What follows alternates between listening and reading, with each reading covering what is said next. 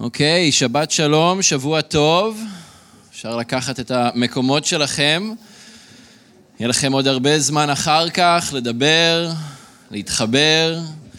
תודה לאל שאנחנו חוזרים לשגרה. הנה, גם יהיה כיבוד החל משבוע הבא, אז יהיה עוד סיבה להישאר קצת יותר אחרי האספה, לא ללכת מיד הביתה. תודה לאדון שאנחנו אה, באמת אה, חוזרים לשגרה הזאת, מתרגלים. עוד פעם להתאסף יחד לעוגן הזה, פעם בשבוע, אפילו פעמיים בשבוע, נכון? עושים מקום לישוע גם באמצע השבוע ובאירועים השונים שיש. אה, אז זה נפלא, ותודה לאל על זה, וטוב לראות אה, את כולכם. אנחנו אה, השבת ממשיכים ללוות את יעקב אבינו, שנמצא בחרן, ואת משפחתו שהולכת וגדלה. ובשבוע הבא, אז כן, אנחנו ניקח אה, הפסקה בגלל פורים, ואז אנחנו אה, נמשיך עם זה עוד אה, אחר כך. אבל אנחנו זוכרים שיעקב בעצם כבר הגיע לחרן. שמה, כשהוא הגיע מיד, הוא התאהב ברחל, והוא היה מוכן לעבוד שבע שנים כדי לשאת אותה לאישה. אבל הדוד שלו, ולבסוף גם החתן שלו, הערים עליו בליל הכלולות, אם אתם זוכרים, והוא הכניס את לאה לתוך החדר החשוך שם במקום אה, רחל. אה, והוא היה צריך לשאת קודם כל את לאה, אבל הוא היה מוכן ובסוף נשא גם את אה, רחל, שבוע לאחר מכן בערך, אבל נשאר והתחייב להישאר שם עוד שבע שנים כדי לעבוד עבור לבן בשביל לשאת את רחל. אבל אנחנו ראינו שבשבוע שעבר, אה, אה, סליחה, אבל אנחנו ראינו גם שליעקב הייתה אה, העדפה, ראינו את זה בשבוע שעבר. ליעקב הייתה העדפה, והוא אהב את רחל הרבה יותר ממה שהוא אהב את לאה. בכלל רשום על לאה שהיא הייתה שנואה. הוא אהב את רחל יותר ממה שהוא אהב את לאה.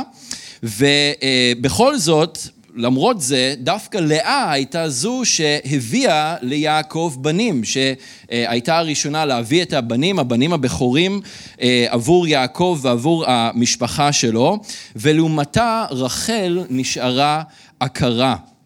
ומכאן המיקוד בעצם עבר מיעקב, המיקוד היה עד אז על יעקב, אבל המיקוד בסוף פרק כ"ט עבר לשתי הנשים שלו, שהן כמובן גם אה, אחיות. אה, וזה עבר לריב ולמחלוקת, לקנאה ולתחרות שנוצרו בין שתי הנשים האלה. והיום בקטע שלנו המיקוד ממשיך להיות על משולש האהבה הזה בין לאה ורחל ויעקב, כאשר לאה ורחל ממשיכות להיות במרכז הסיפור, ויש עדיין עוד כמה דברים שאנחנו יכולים ללמוד מהן, מהמצב שלהן ומהסיפור הזה בכלל.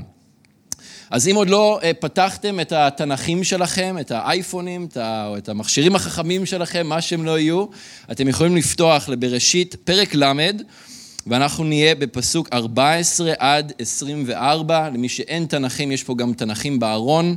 אם אתם אה, מעדיפים את התחושה של הדפים אה, באצבעות, אז אתם יכולים לקחת אותם משם. אוקיי, בראשית פרק ל', פסוק, החל מפסוק 14. אוקיי. אוקיי, וילך ראובן בימי קציר חיטים, וימצא דודאים בשדה, ויבא אותם אל לאה אמו. ותאמר רחל אל לאה, תני נא לי מדודאי בנך. ותאמר לה, המעט קחתך את אישי, ולקחת גם את דודאי בני? ותאמר רחל, לכן ישכב עמך הלילה, תחת דודאי בנך. ויבוא יעקב מן השדה בערב, ותצא לאה לקראתו, ותאמר, אלי תבוא, כי שכור שכרתיך בדודאי בני. וישכב עמה בלילה ההוא. וישמע אלוהים אל לאה, וטהר ותלד ליעקב בן חמישי. ותאמר לאה, נתן אלוהים שכרי, אשר נתתי שפחתי לאישי, ותקרא שמו יששכר. ותהר עוד לאה, ותלד בן שישי ליעקב. ותאמר לאה, זבדני אלוהים אותי זבד טוב. הפעם יזבלני אישי, כי ילדתי לו שישה בנים, ותקרא את שמו זבולון. ואחר ילדה בת, ותקרא את שמה דינה. ויזכור אלוהים את רחל, וישמע אליה אלוהים, ויפתח את רחמה. ותהר, ותלד בן, ותאמר אסף אלוהים את חרפתי, ותקרא את שמו יוסף, לאמור יוסף אדוני לי בן אחר. אז בואו נתפלל. אדון, אנחנו אה, מודים לך שוב פעם הערב על אה, הזדמנות להיות ביחד. אנחנו מודים לך שוב פעם על הזדמנות לבוא ולהביט אל תוך אה, דברך המופלא ביחד, ולראות, אדון, מה יש לך בתוך דברך עבור כל אחד ואחת מאיתנו הערב. אדון, אנחנו מודים לך על גיבורי האמונה שהלכו לפנינו, שאנחנו יכולים לשבת כאן היום ולהסתכל אחורה לחיים שלהם וללמוד מהחיים שלהם, ללמוד מהדברים הטובים שהם עשו, ללמוד גם מהטעויות ומהדברים הפחות טובים שהם עשו. ואנחנו רוצים לבקש, אני רוצה לבקש, אה, אדון, אתה אכן אה, תדבר אל כל אחד ואחת מאיתנו הערב. אדון, שאתה תגיד את מה שאתה רוצה לומר. אה, אדון, ואנחנו אה, רוצים להכניע את עצמנו, כל מחשבה, את הלבבות שלנו, אה, אדון לפניך, ולהגיד לך שאנחנו, כן, מכניעים את עצמנו לך, ומבקשים שאתה תעשה בנו את מה שאתה חפץ לעשות בנו הערב דרך דברך. אנחנו מודים לך בשם ישוע. אמן. אז המשפחה של יעקב ממש מתפוצצת, וזה תרתי משמע. בתוך כמה שנים בודדות, אה, יעקב מוצא את עצמו הופך מגבר רווק שהולך לו לבד אה, במדבר, לגבר שנשוי ללא פחות מארבע נשים. ארבע נשים ועם שמונה בנים. כמו שאומרים, כשזה בא, זה בא בצרורות, ובמקרה של יעקב זה אפילו בא אה, בצרות צרורות. מצד אחד, יעקב בוודאי רואה את תחילת ההתממשות של ההבטחה שאלוהים נתן לו אז בבית אל בפרק כ"ח, אם אתם זוכרים שקראנו את זה ביחד בסולם יעקב, שאלוהים אמר לו, והיה זרעך כעפר הארץ, ופרצת ימה וקדמה וצפונה ונגבה. אבל מצד שני, גם נוצרו הרבה צרות, צרות צרורות. במשפחה שלו, במיוחד המתח הזה בין הנשים של אה, יעקב. מתח שימשיך גם אחר כך לבנים של יעקב. בן יוסף, שיעקב גם אותו העדיף ואהב יותר מאשר את שאר הבנים האחרים, לבין שאר האחים, שכמו עם האימהות שלהם, כינו אחד בשני ורצו להרוג אחד את השני, והיו שם גם כן הרבה מאוד בעיות. אבל כאן בקטע הזה היום אנחנו פוגשים בהתחלה את ראובן, את ראובן הקטן והחמוד, שכנראה היה באזור אה, גיל ארבע או חמש, אה, והוא מסתובב לו בשדות בזמן הקציר, בערך חודשים מאי-יוני, סביבות אה, שבועות, כמו שאנחנו מכירים את זה כאן בארץ. וראובן החמוד מוצא לו בשדה כמה פרחים. סגולים ויפים שעליהם יש פירות קטנים וכתומים בצבע אה, כתום עז שמפזרים ריח מאוד אה, נעים וחזק והוא בתמימותו כותב לעצמו מהפרחים האלה ומביא אותם לאימא שלו, ללאה. הרי מה יותר נחמד מבן שמפתיע את אימא שלו עם בוקה של פרחים, נכון? מה שראובן הקטן כנראה לא יודע, זה שהוא הביא לאימא שלו דודאים. מה זה דודאים? דודאים זה שיח פרחוני קטן שגדל כאן באזור של המזרח התיכון, וידוע בתכונותיו שמעוררות את החשק המיני, ויותר חשוב מזה, מסייע בפוריות ובהיריון, לפחות זה מה שחשבו בתקופה הקדומה, שזה היה פרח, שעזר, או הפירות בפרח הזה אה, בעצם עזרו ונתנו אה, פוריות ועזרו בהיריון. אז בשלב הזה, לאה ורחל נשואות ליעקב משהו כמו חמש או שש שנים. לא יודע אם אפשר להגיד שהן נשואות באושר, באושר בעין כן, באושר באלף כנראה שלא. לאה כבר ילדה ארבעה בנים, בלהה וזלפה הצטרפו לנישואים תוך כדי וילדו כל אחת אה, שני בנים, ורק רחל נשארה לבדה, נשארה היחידה מתוך הארבעה שלא ילדה ילדים משלה. עכשיו, כמו שנראה לי אלון הזכיר בשבוע שעבר, העקרות בימי קדם נחשבה ממש לאות בושה בקרב הנשים, כמובן לא היה להם את הידע הרפואי בימינו לדעת אם זה קשור לאישה או קשור לגבר, אז כשלא היו ילדים אה, אה, זה היה ממש אות בושה בקרב הנשים. וכמובן שגם היום זה נושא שהוא מאוד רגיש בקרב זוגות שרוצים להביא ילדים לעולם ולא יכולים. זה דבר שהוא לא קל להתמודד איתו, לא משנה אם זה קשור לגבר או לאישה, אבל אז במיוחד זה היה אות בושה מאוד חזק בקרב הנשים. אז נכון, כמו שראינו, הבנים של בלהה, השפחה של אה, רחל, נחשבו לבנים שלה, של רחל. אבל מה לעשות, זה לא בדיוק אותו הדבר כמו להביא לעולם ילד משלך, משלך. זה לא יכול להיות אותו דבר. ילד שנוצר כתוצאה מחיבור של הבעל שאת התחתנת איתו, שנשאת אותו, שהוא נשא אותך, שאת כל כך אוהבת, הילד שהוא תוצר של החיבור בין הבעל שלך לאישה אחרת, זה פשוט לא יכול להיות אותו דבר. היחס לילד לא יכול להיות אותו יחס, לא יעזור אה, כלום. וזה נכון גם בשביל יעקב, ובטח ובטח שבשביל רחל. אתה תמיד תעדיף את הילדים שלך.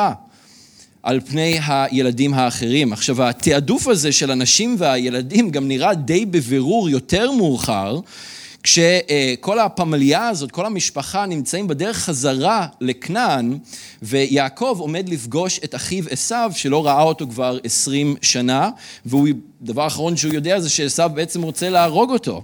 ואנחנו אה, קוראים פה קטע בפרק ל"ג, אנחנו עוד נגיע לזה, אה, כשמתקרבים כתוב, וישא יעקב עיניו, וירא והנה עשיו בא ועמו ארבע מאות איש. אז הוא רואה ארבע מאות לוחמים, ארבע מאות גברים על גמלים דוהרים לעברו ולעבר המשפחה שלו.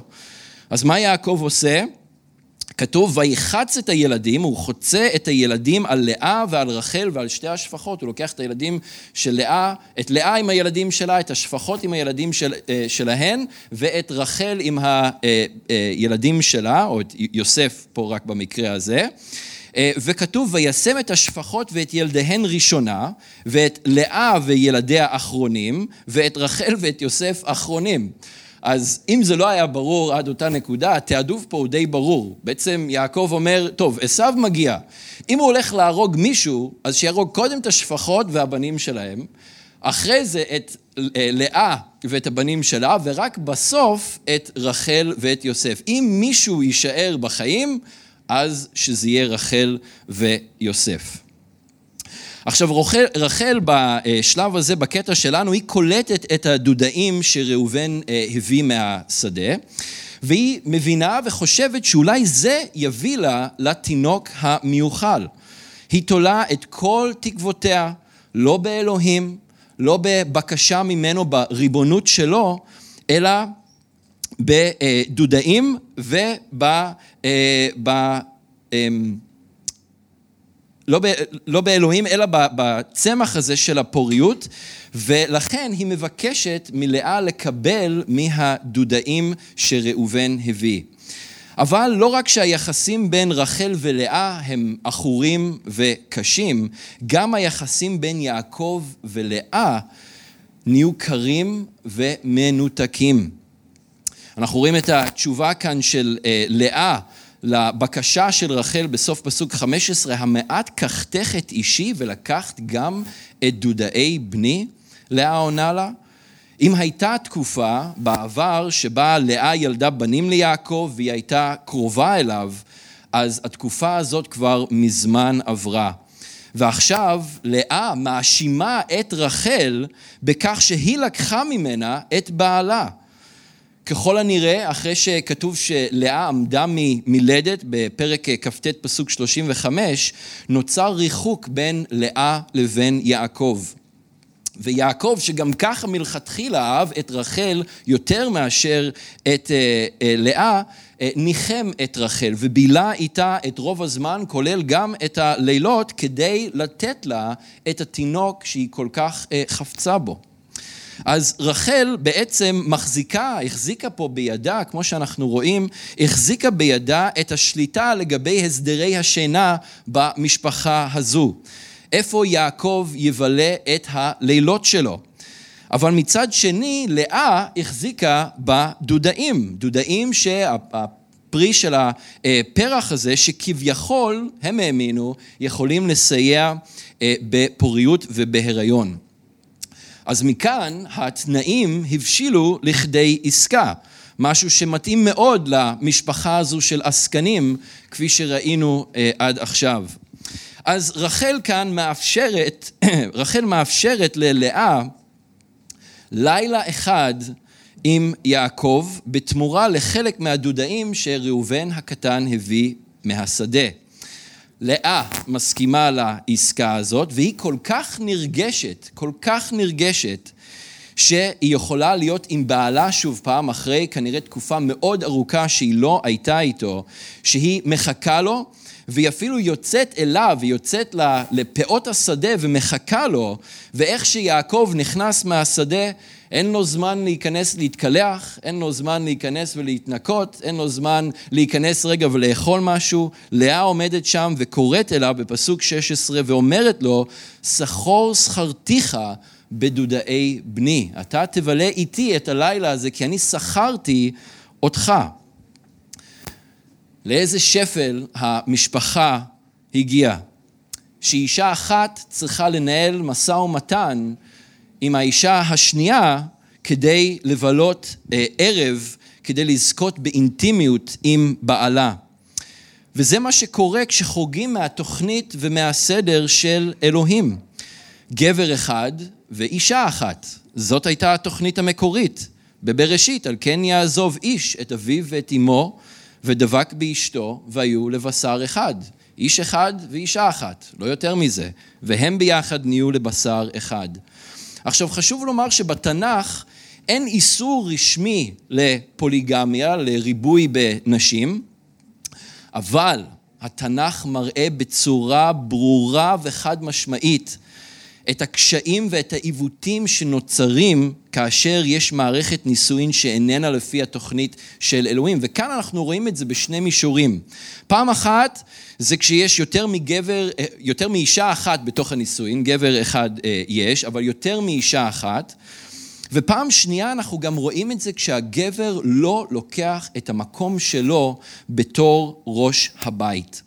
אז ספציפית לנישואין עם שתי אחיות, אה, אלוהים מתייחס לזה בתורה יותר מאוחר בספר ויקרא, פסוק, אה, פרק 18, פסוק 18, כשהוא כתב, אה, כשהוא אמר, ואישה אל אחותה לא תיקח, לצרור, לגלות ערוותה עליה בחייה. אז, אז הוא אומר, לא יהיה מצב שגבר לוקח שתי נשים שהן אחיות, ויכול להיות באמת שזה חזר אחורה לסיפור הזה של יעקב עם... אה, לאה ורחל, והוא אומר פה, כי מה יקרה? יהיה פה אה, צרור, צורר, כמו, אנחנו מכירים את המילה הזאת מצורר המשיח, התנגדות, קושי, בעיות, זה מה שיקרה אם אה, מצב כזה יתעורר, ולכן אלוהים אסר על זה באופן מוחלט. אבל גם במצבים אחרים אנחנו רואים באופן ברור בכתובים את ההרס ואת הפגיעה שנוצרו כתוצאה מפוליגמיה, כתוצאה מריבוי בנשים. ראינו את זה כשלמדנו ביחד אה, את אה, חיי אברהם, כשהגר נכנסה לתמונה בתור אישה שנייה, זה יצר תוהו ובוהו, זה יצר כאוס, זה יצר מתחים וקושי רב בתוך המשפחה. רואים את זה בצורה מאוד ברורה עם אלקנה ושתי אה, נשותיו חנה ופנינה בתחילת ספר שמואל א'. רואים את המתח שקיים שם, רואים את זה עם דוד ונשותיו, רואים את מה שקרה עם שלמה ו- וכל הנשים והפילוגשות שלא היו uh, יותר מאוחר, זה נראה מאוד מאוד בבירור מה קורה כשיש חריגה מהתוכנית של אלוהים. עכשיו, אם זה לא היה מספיק שליעקב היו ארבע נשים, אז הוא גם אפשר להם, לפחות לשתיים מהאנשים, לנהל אותו לחלוטין, להגיד לו מה לעשות. רחל היא זאת שמחליטה כאן איפה יעקב ישן בלילה, ולאה צריכה להגיע ולנהל משא ומתן ולסחור את בעלה כאילו שהוא איזה איש שירות שבא לתת איזושהי עבודה מזדמנת בבית. איפה הקול של יעקב? איפה ראש הבית? איפה הכהן שיקום ויגיד את מה שצריך להיאמר באהבה, אבל יגדיר את הקו, ייתן את הטון בתוך הבית שלו? ויעזור להביא לשלום ולאחווה איפה שיש אה, מדון וריב. אז אתם זוכרים כשלמדנו את הראשונה לטימותאוס בשנה שעברה, אנחנו דיברנו על הסדר שצריך להיות בתוך משפחות, גבר אחד ואישה אחת בברית נישואין.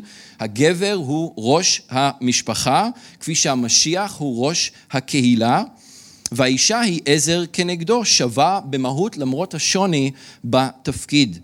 אבל הנוסחה הזו של אלוהים, התוכנית הזאת של אלוהים, לא עבדה כאן. במשפחה הזו, זה לא יצא לפועל במשפחה הזו, לא בגלל משהו שלא היה מחוץ לשליטה שלהם, אבל זה לא אה, קרה כאן במשפחה הזו, וזה בהחלט תרם תרומה אה, משמעותית ליחסים העכורים שנוצרו. בסופו של דבר, כמה חודשים אחרי שיעקב בילה את הלילה הזה עם לאה, רחל פתאום מגלה לה שהתוכנית שלה בעצם התפוצצה לה בפנים. הדודאים שהיא כל כך שמחה עליהם, לא הביאו לה את התוצאה הרצויה. היא לא נכנסה להיריון, היא לא קיבלה תינוק אחרי זה. להפך, מה שקרה זה שדווקא לאה היא זו שנכנסה להיריון עם בן חמישי. אלוהים בריבונות שלו שמע אל רחשי ליבה של לאה, של לאה כפי שכתוב, וישמע אלוהים אל לאה בפסוק 17. זה לא כתוב לנו כאן באופן מפורש בטקסט שהיא באמת התפללה, אבל כנראה שמשהו בתוך הלב שלה, או הייתה תפילה שמה שכוננה בקרב לאה, שאלוהים שמע אל התפילה הזו. והוא נתן לה עוד הריון על פני רחל, שרחל, אנחנו רואים, הסתמכה לחלוטין על הדודאים. במקום, ה, במקום uh, להסתמך על אלוהים. היא הסתמכה לחלוטין על הפרי הזה שיעזור בפרי, בפוריות, יעזור בהיריון, והיא לא uh, הביאה את תחינתה לפני אלוהים, לפחות לא בשלב הזה. גם לאה בסופו של דבר הכירה בכך שהתינוק ניתן מאלוהים, כי היא קראה לשמו יששכר. אה, והיא אומרת שאלוהים נתן לי את שכרי. אבל תמיד בשם של יששכר יש גם את, ה, את מה שקרה, איך יששכר הגיע, כי היא שכרה את בעלה אה, באותו הערב, היא שכרה את בעלה מרחל. עכשיו, יש כאן נקודה שחשוב שאנחנו אה, נשים אה, לב עליה, ואנחנו כבר דיברנו על זה קצת מקודם, פשוט על הריבונות של אלוהים בהתייחס לכל מה שקורה באוקראינה ובין רוסיה לאוקראינה וכל המצב שם. אבל אנחנו מבינים ואנחנו יודעים ומאמינים שאלוהים הוא ריבון על הכל, בדיוק כפי שאמרנו כאן מקודם.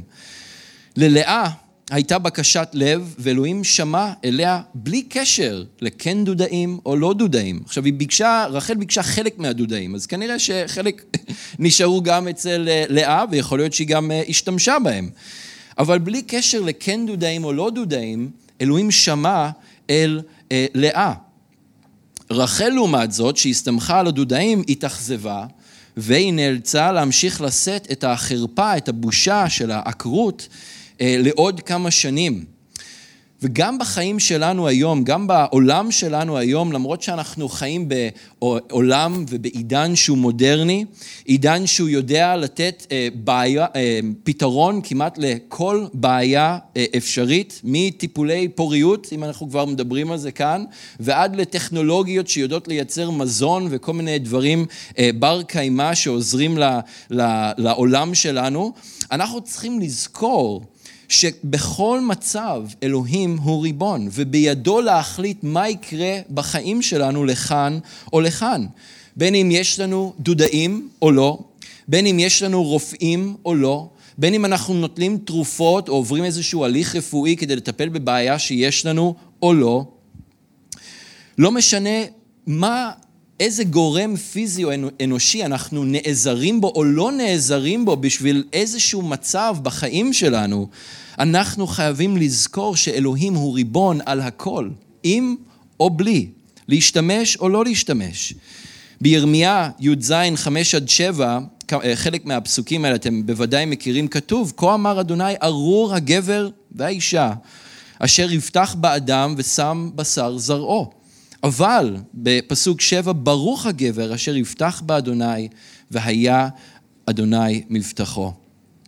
בסופו של דבר, אחרי הכל, הכל נתון בידיו של אלוהים. גם הפתרונות הארציים וגם הפתרונות העל-טבעיים. זה לא משנה מה יהיה לנו להתמודד איתו, בסופו של דבר אלוהים הוא ריבון לכאן או לכאן.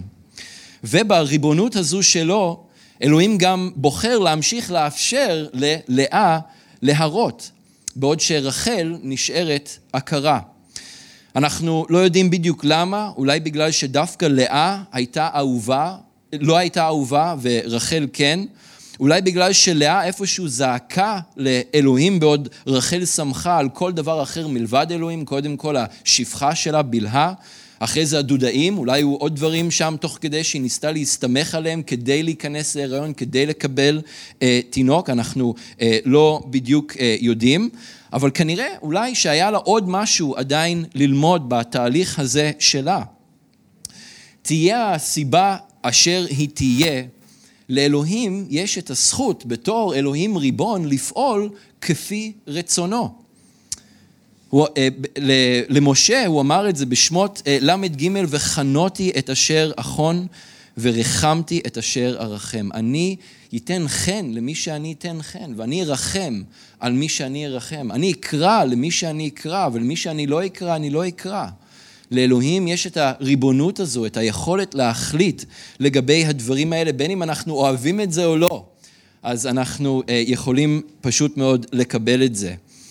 עכשיו, גם לי, בחיים שלי, יש הרבה דברים שאני גם לא מבין למה, ואני בטוח שלרחל הייתה את השאלה הזאת, למה, אלוהים? למה כולן נכנסות להיריון, לכולן יש ילדים? למה לאה ממשיכה, ממשיכה להראות, למרות שכנראה שהיא אפילו כבר עברה את הגיל שהיא יכולה להיכנס להיריון? למה, אלוהים? אני לא יודע מה איתכם, אבל לי יש הרבה שאלות בחיים שלי של למה.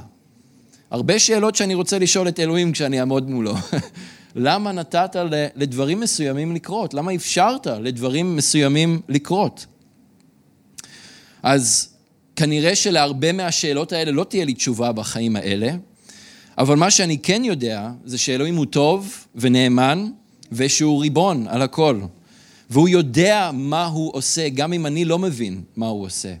ופה הקטע של האמונה שלנו, שאנחנו מוכנים להרפות ולשחרר ולהגיד, אלוהים, אני סומך עליך. אני לא מבין למה, אני לא יודע למה הדברים קורים כפי שהם קורים, אבל אני סומך עליך שאתה טוב, שאתה נאמן, שאתה ריבון, ואתה יודע מה אתה עושה. למרות הלידה של הבן החמישי, ססחר, בלידה של הבן השישי, לאה עדיין נמצאת במצב שהיא כמהה לחיבה ולאהבה של בעלה, שכנראה עדיין חומק ממנה. אז היא קוראת לה בן זבולון, כי, אה, גם כי הוא היה מתנה, זבד, מאלוהים, וגם כי התקווה ממשיכה לקונן בלב שלה שעכשיו בעלה יכבד אותה וגם ישהה אה, עימה, אה, יבלה איתה זמן. ואז אנחנו גם רואים כאן שאחרי הלידה של זבולון, דינה נולדה, והיא אחת רק מכמה בנות כנראה שהיה ליעקב, אנחנו רואים את זה יותר מאוחר בפרק ל"ז, הבנות של יעקב, זה נכתב ברבים, ברבות. אמ, אז כנראה שהיו עוד אה, בנות ליעקב שלא מוזכרות בשם אה, בכתובים, רק דינה מוזכרת, וזה בגלל האירועים שאנחנו נראה אה, בפרק ל"ד בשכם. אבל בתוך כל זה, אני חושב הקטע הזה מסתיים בצורה כל כך מיוחדת ויפה, כי אלוהים עדיין לא סיים עם רחל. ובפסוק 22 אנחנו קוראים, ויזכור אלוהים את רחל. וישמע אליה אלוהים, ויפתח את רחמה. אחרי שנים ארוכות, שש, חמש, שש, שבע שנים כנראה, שהיא ניסתה להראות בכל מיני דרכים, עם השפחה הבלהה, אבל זה לא בדיוק אותם ילדים וזה לא בדיוק אותו דבר, עם משא ומתן עם אחותה לאה, לנסות לשלוט בהסדרי שינה אה, בבית של אה, יעקב, להשיג את צמח הפוריות הזה, אולי זה יעזור לה. בסוף אנחנו מבינים שגם רחל זועקת לאלוהים. כי אלוהים זוכר וכתוב וישמע אליה, כמו שכתוב על לאה כמה פסוקים אה, קודם לכם. יכול להיות שהיא כבר הרימה ידיים, יכול להיות שהתקווה בה כבר כבתה, זה משהו שיכול לקרות לנו אחרי אה, תהליכים ארוכים וקשים שאנחנו חווים בחיים, אבל אלוהים לא שכח את רחל, והוא לא התעלם ממנה. הוא זכר אותה, הוא שמע אליה, והוא פתח את רחמה כדי שהיא תוכל להרות וללדת. תשימו לב שכל אלה פעולות שאלוהים עשה, לא היה פה שום דבר שרחל עשתה בעצמה. הכל פעולות שאלוהים בריבונות שלו עשה, בלי תלות בשפחות, בלי תלות בצמחי פוריות או כל דבר אחר. בדיוק כפי שאלוהים זכר את נוח, בדיוק כפי שאלוהים זכר את חנה, האימא של אה, שמואל, אלוהים זכר גם את רחל בקושי שלה, הוא זכר את רחל בחרפה שלה, הוא זכר אותה בתוך הבושה שלה. ואלוהים תמיד זוכר אותנו, אתכם, לא משנה איפה אתם נמצאים, לא משנה מה אתם עוברים או מרגישים, אלוהים זוכר אתכם. אתם לפניו תמיד.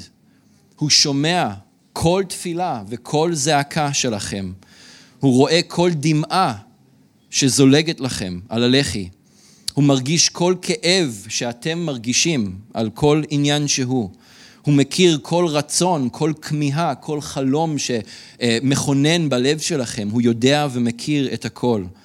ואם אתם תקוו לו, ואם אתם תחכו לו, לא משנה באיזה מצב אתם נמצאים, הוא לא יאחר, והוא לא יאכזב, הוא יזכור, והוא ישמע, והוא יפעל.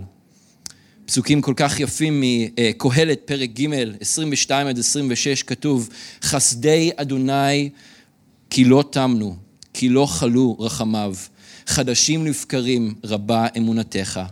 חלקי אדוני, אמרה נפשי על כן אוכיל לא, לא לכל מיני פתרונות אחרים, אוכיל לא. טוב אדוני לקובב, למי שמקווה אליו, לנפש תדרשנו, למי שדורש אותו בכל מאודו. טוב ויכיל ודומם לתשועת אדוני. זה טוב להוכיל ולדומם, להיות בשקט ולהמתין בסבלנות. למה? לתשועת אדוני.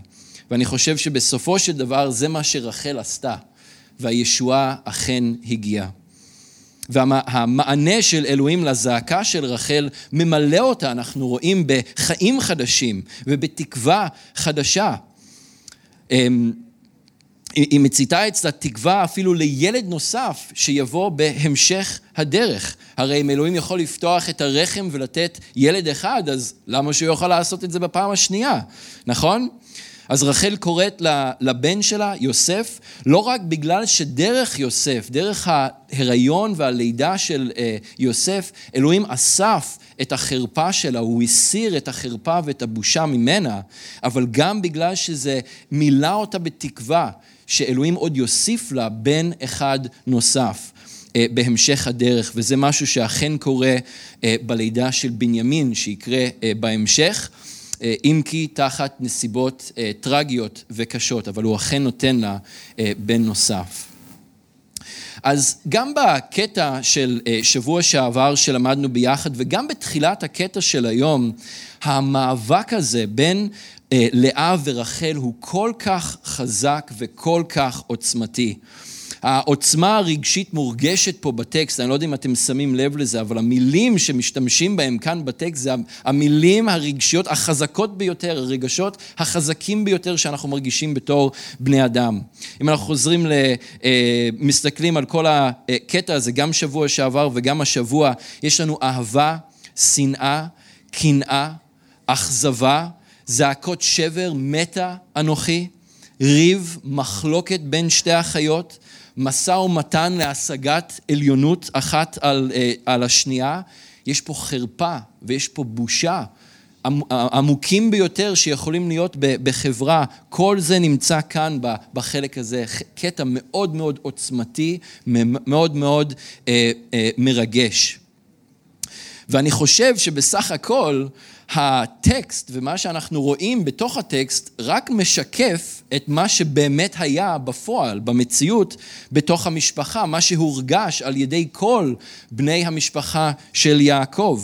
בבית, בשדה, בארוחות המשותפות, בלילות, לא משנה איפה הם היו, המתח הזה, העוצמה הרגשית הזאת, הורגשה כל הזמן במשך שנים. ברור שרחל ולאה עוד אה, החליפו מילים ביניהן אה, במהלך חייהן, אבל למעשה השיחה היחידה שמתועדת לנו בכתובים בין שתי האחיות האלה, רחל ולאה, זה הכמה מילים האלה שיש לנו בפסוק 14 ו-15. תני נא לי מדודי בנך, רחל אומרת ללאה. לאה עונה לה, המעט קחתך את אישי ולקחת גם את דודאי בני. ואז רחל עונה לה, לכן ישכב עמך הלילה תחת דודאי בנך. כמה טרגי שמתוך כל השנים שלהם, כל הקשר שלהם בתור אחיות, זה הדבר היחיד שנשאר לנו בכתובים, של, שמעיד לנו על הקשר שלהם, המשא ומתן הזה להשגת עליונות, ההאשמות, הביקורת וכל מה שיש כאן. פשוט מאוד uh, טרגי ביותר.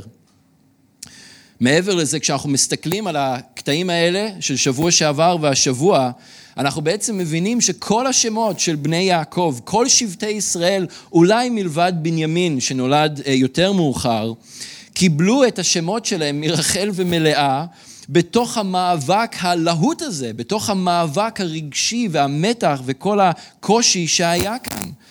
ואותם אה, בנים, אותם 11 בנים, למעשה מזכירים לנו כל פעם ומספרים את סיפור הריב והמחלוקת ארוך השנים והמר בין שתי האחיות האלה.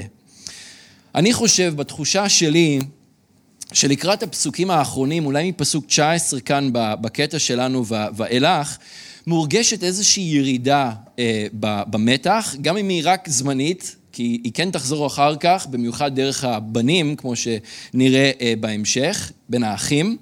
אבל התחושה שלי זה שבשלב הזה כבר נגמר להם הכוח, מתחיל להיגמר להם הכוח, נגמר להן הכוח להילחם. אמ, מאבק רגשי, נפשי, אה, כזה הוא שוחק, הוא מעייף את הנפש, ובסופו של דבר זה מוביל למקום שכבר אין כוח יותר. מלחמה זה דבר שוחק ודבר מעייף. לאה, אני חושב, בסוף רואים שהיא מרפה מהצד שלה אחרי שהיא שבעה מילדים, וגם רחל נחה אחרי שאלוהים אסף ממנה את החרפה, ממנה, את החרפה, הסיר את החרפה ממנה, ונתן לה גם תקווה להמשך הדרך. לצערנו הרב, מחלוקת וריב קיימים גם אצלנו, גם בתוך המשפחות ובתוך החיים האישיים שלנו, והם קיימים גם בתוך משפחת אלוהים. זה נראה בבירור בברית החדשה, אף אחד לא מנסה להסתיר את זה, אנחנו בסך הכל בני אדם, ויש ריב ומחלוקת בכל מקום כמעט שאנחנו הולכים. אנחנו רואים את זה עם התלמידים שמתווכחו ביניהם, רבו ביניהם ממש מי יהיה הגדול מביניהם. אנחנו רואים אה, ריב ומחלוקת קשים בין שאול וברנבא. אנחנו רואים שיש אה, אה, מחלוקת בין המאמינים באנטיוכיה, וגם יש מחלוקת קשה בין המאמינים בקהילה בקורינטוס. אנחנו רואים שיש ריב ויש מחלוקת. במשפחה המורחבת שלי יש גם שתי אחיות שנמצאות במחלוקת אה, אחת עם השנייה כבר אה, מעל 15 שנה. הן לא מדברות אחת עם השנייה מעל 15 שנים. כל אחת, או אחת מהן מחשיבה את השנייה ממש כאילו שהיא מתה ואין לה כל רצון לקשר עם האחרת, למרות ששתיהן מגדירות את עצמן כמאמינות בישוע. המצב הכי אבסורד אולי זה שהאח של הכלה של אחת מהן הוא הרואה קהילה של השנייה. אלה מצבים שקורים בתוך משפחות, זה קורה גם בתוך המשפחה המורחבת שלי. ריב, מחלוקת, פגיעה, תמיד יתעוררו בשלב כזה או אחר על דבר קטן או על דבר גדול. זה הטבע האנושי. אנחנו לא תמיד אחראים, לא תמיד, לפעמים כן, אבל אנחנו לא תמיד אחראים בזה שיוגשו לנו לימונים, כן או לא. אבל אנחנו כן אחראים למה אנחנו נעשה אם הלימונים האלה מגיעים לידיים שלנו. לאה ורחל אכלו את הלימונים האלה וטעמו טעם מר וחמוץ במשך שנים ארוכות. הם סבלו בצורה קשה מבחינה נפשית, לדעתי. החדשות הטובות הן עבורנו, שאנחנו גם רואים את הסיפור של רחל ולאה מאיפה שאנחנו נמצאים היום, ועם דבר אלוהים המלא, זה שיש לאלוהים הרבה מה לומר על ריב ועל מחלוקת. והוא גם מתווה דרך מאוד ברורה איך אפשר להפוך את הלימונים ללימונדה, כשהם מתגלגלים לידיים שלנו, איך להפוך את המר ואת החמוץ למשהו שהוא מתוק, למשהו שהוא יותר טוב. כמה פסוקים בנושא הזה, יש לנו במשלי, פרק י"ז, פסוק 14, כתוב, פותר מים ראשית מדון, ולפני התגלה הריב נטוש. עכשיו, שפה קצת קשה, מה שזה בגדול אומר, תנסו לעצור את הריב כמה שיותר מהר. כי ברגע שהוא מתחיל לזרום זה כמו מים שפורצים מהסכר. אי אפשר, הוא כבר מאוד מאוד קשה להחזיר את הדברים לאחור. תעצרו את הריב, תעצרו את המחלוקת לפני שהוא אה, מתגלגל, לפני שהוא פורץ אה, החוצה. רומים פרק י"ב פסוק 18 כתוב אל תשלמו לאיש רעה תחת רעה, בקשו את הטוב בעיני כל בני אדם. עד כמה שהדבר תלוי בכם, תלוי בנו, חיו בשלום עם כל אדם. ביעקב ג' 18 ד' 1 כתוב ולעושי שלום פרי הצדק נזרע בשלום. מאין הסכסוכים והמריבות אשר ביניכם? האם לא מתאוותיכם הנלחמים בתוך אבריכם? אתם מתאווים ואין לכם, אתם הורגים ומקנאים ואינכם יכולים להשיג. נשמע לכם מוכר? מהסיפור של היום ושבוע שעבר. אתם מתאווים ואין לכם, הורגים מקנאים ואינכם יכולים להשיג, אתם רבים ונלחמים ואין לכם, מפני שאינכם מבקשים. אבל ראינו שבסוף כשביקשו, אלוהים גם שמע ואלוהים ענה. גם במתי פרק ה' פסוקים 23 עד 25 וגם בפרק י"ח במתי פסוקים 15 עד 17 ישוע מורה אותנו בתור התלמידים שלו, בתור כאלה שהולכים אחריו, הוא מורה אותנו מה לעשות. אם אנחנו נזכרים אה, שיש לאחינו דבר מה נגדנו, או אם אנחנו יודעים שאחינו חטא לנו. אז הוא נותן דרך מאוד ברורה איך להתמודד עם זה, מה לעשות במצבים כאלה, איך לקחת את הלימונים ולהפוך אותם ללימונדה. כשיש ריב ומחלוקת, אנחנו לא חייבים לתת לזה לזרוע הרס ומרירות. אם כל צד יכול להביא את תחינותיו לפני אלוהים ולעשות את מה שהוא צריך לעשות לפני אלוהים ועל פי דבר אלוהים שלנו יש היום, לנשים האלה אז לא היה את זה באותה צורה כמו שלנו יש היום. אבל אני חושב אם הן היו לוקחות את העקרונות האלה לתוך הסכסוך שלהן, שגם זה יתגלגל לידיהן, הן לא היו צד בהחלטה מי מתחתן עם אה, יעקב ומתי. אבל הן היו יכולות לקחת את הלימונים ולהפוך אותם ללימונדה. ואנחנו יכולים לעשות את אותו דבר, גם אם אנחנו מוצאים את עצמנו בנסיבות קשות, כמו של רחל ושל לאה. אלוהים יכול הוא יכול, אנחנו שרנו את זה מקודם, הוא יכול להפוך את העצב לשמחה, הוא יכול להפוך את המספד למחול, הוא יכול להפוך את המר למתוק. ולמרות שאנחנו יודעים והרבה פעמים חושבים שעם בני אדם הדברים הם בלתי אפשריים, ועם בני אדם הדברים הרבה פעמים הם בלתי אפשריים, אבל עם אלוהים הכל אפשרי. גם המצב הכי מר, גם הריב הכי קשה והכי עמוק ו- ורגשי ותעצומתי, אלוהים יכול לקחת את זה ולהפוך את זה למשהו שהוא מתוק, משהו שהוא טוב. וזה הפרי שאנחנו רוצים לראות גם בחיים שלנו. אמן? אז בואו נתפלל. אדון, אנחנו אה, מודים לך על אה, דברך. אנחנו מודים לך על הסיפור של שתי הנשים האלה, אדון, אה, נשים שאנחנו יודעות שהן חלק מהגבירות שדרכן אתה בנית את בית ישראל. אדון, גבירות אמונה שלמרות הקשיים שהן חוו והנסיבות הלא פשוטות של החיים שלהן, אדון, אתה בכל זאת פעלת דרכן ושאנחנו היום יכולים לשבת ולראות את הסיפור שלהן וגם ללמוד מהן. אדון, אנחנו אה, רוצים להתהלך באור ולא להתהלך בחושך. אנחנו רוצים להיות אה, אה, תמיד באור שלך, אדון, וללכת על פי עצתך, כי אנחנו יודעים שבך יש חיים. אנחנו יודעים שבדברך יש חיים. אדון, ואנחנו יודעים שאתה מתווה לנו את הדרך לכל מצב ולכל סיטואציה בחיים שלנו. אדון, אנחנו לא רוצים שריב ומחלוקת יהיו דבר שנמצאים בינינו. לא בחיים שלנו, לא במשפחות שלנו, לא בקהילה שלנו, אדון, לא בעבודות שלנו או בכל מקום אחר שאנחנו הולכים. אדון, ואנחנו רוצים אה, לבקש, אני רוצה לבקש, אדון, שאתה אה, תעזור לנו לזכור את, את כל הדברים שאנחנו אה, ראינו ולמדנו בה, גם השבת וגם שבת שעברה, מהחיים של רחל ולאה, מהקושי שהן חוו ביניהם. אדון, שאנחנו נוכל להיזכר בזה כשאנחנו נמצאים ברגעים לא קלים בעצמנו. אדון, שאנחנו נוכל לזכור את העקרונות ו- ולזכור ללכת לדברך כדי לראות מה דברך אומר על ריב ועל מחלוקת. אדון, כל מצב אה, בחיים שלנו שהוא כמו לימונים, שהוא חמוץ, שהוא מר, שהוא קשה, אדון, אנחנו יודעים שאתה יכול להפוך ללימונדה, שאתה יכול להפוך את המר למתוק, את המספד למחול, את העצב לשמחה. אנחנו מודים לך שזה העסק שלך, זה מה שאתה עושה. אתה הופך את הרע לטוב, אתה מקדש, אתה מטהר, אתה מחדש, אדון. אנחנו מבקשים שתעשה את זה גם בחיים שלנו, שאנחנו נוכל להראות פרי, פרי שראוי לך. בשם ישוע. אמן.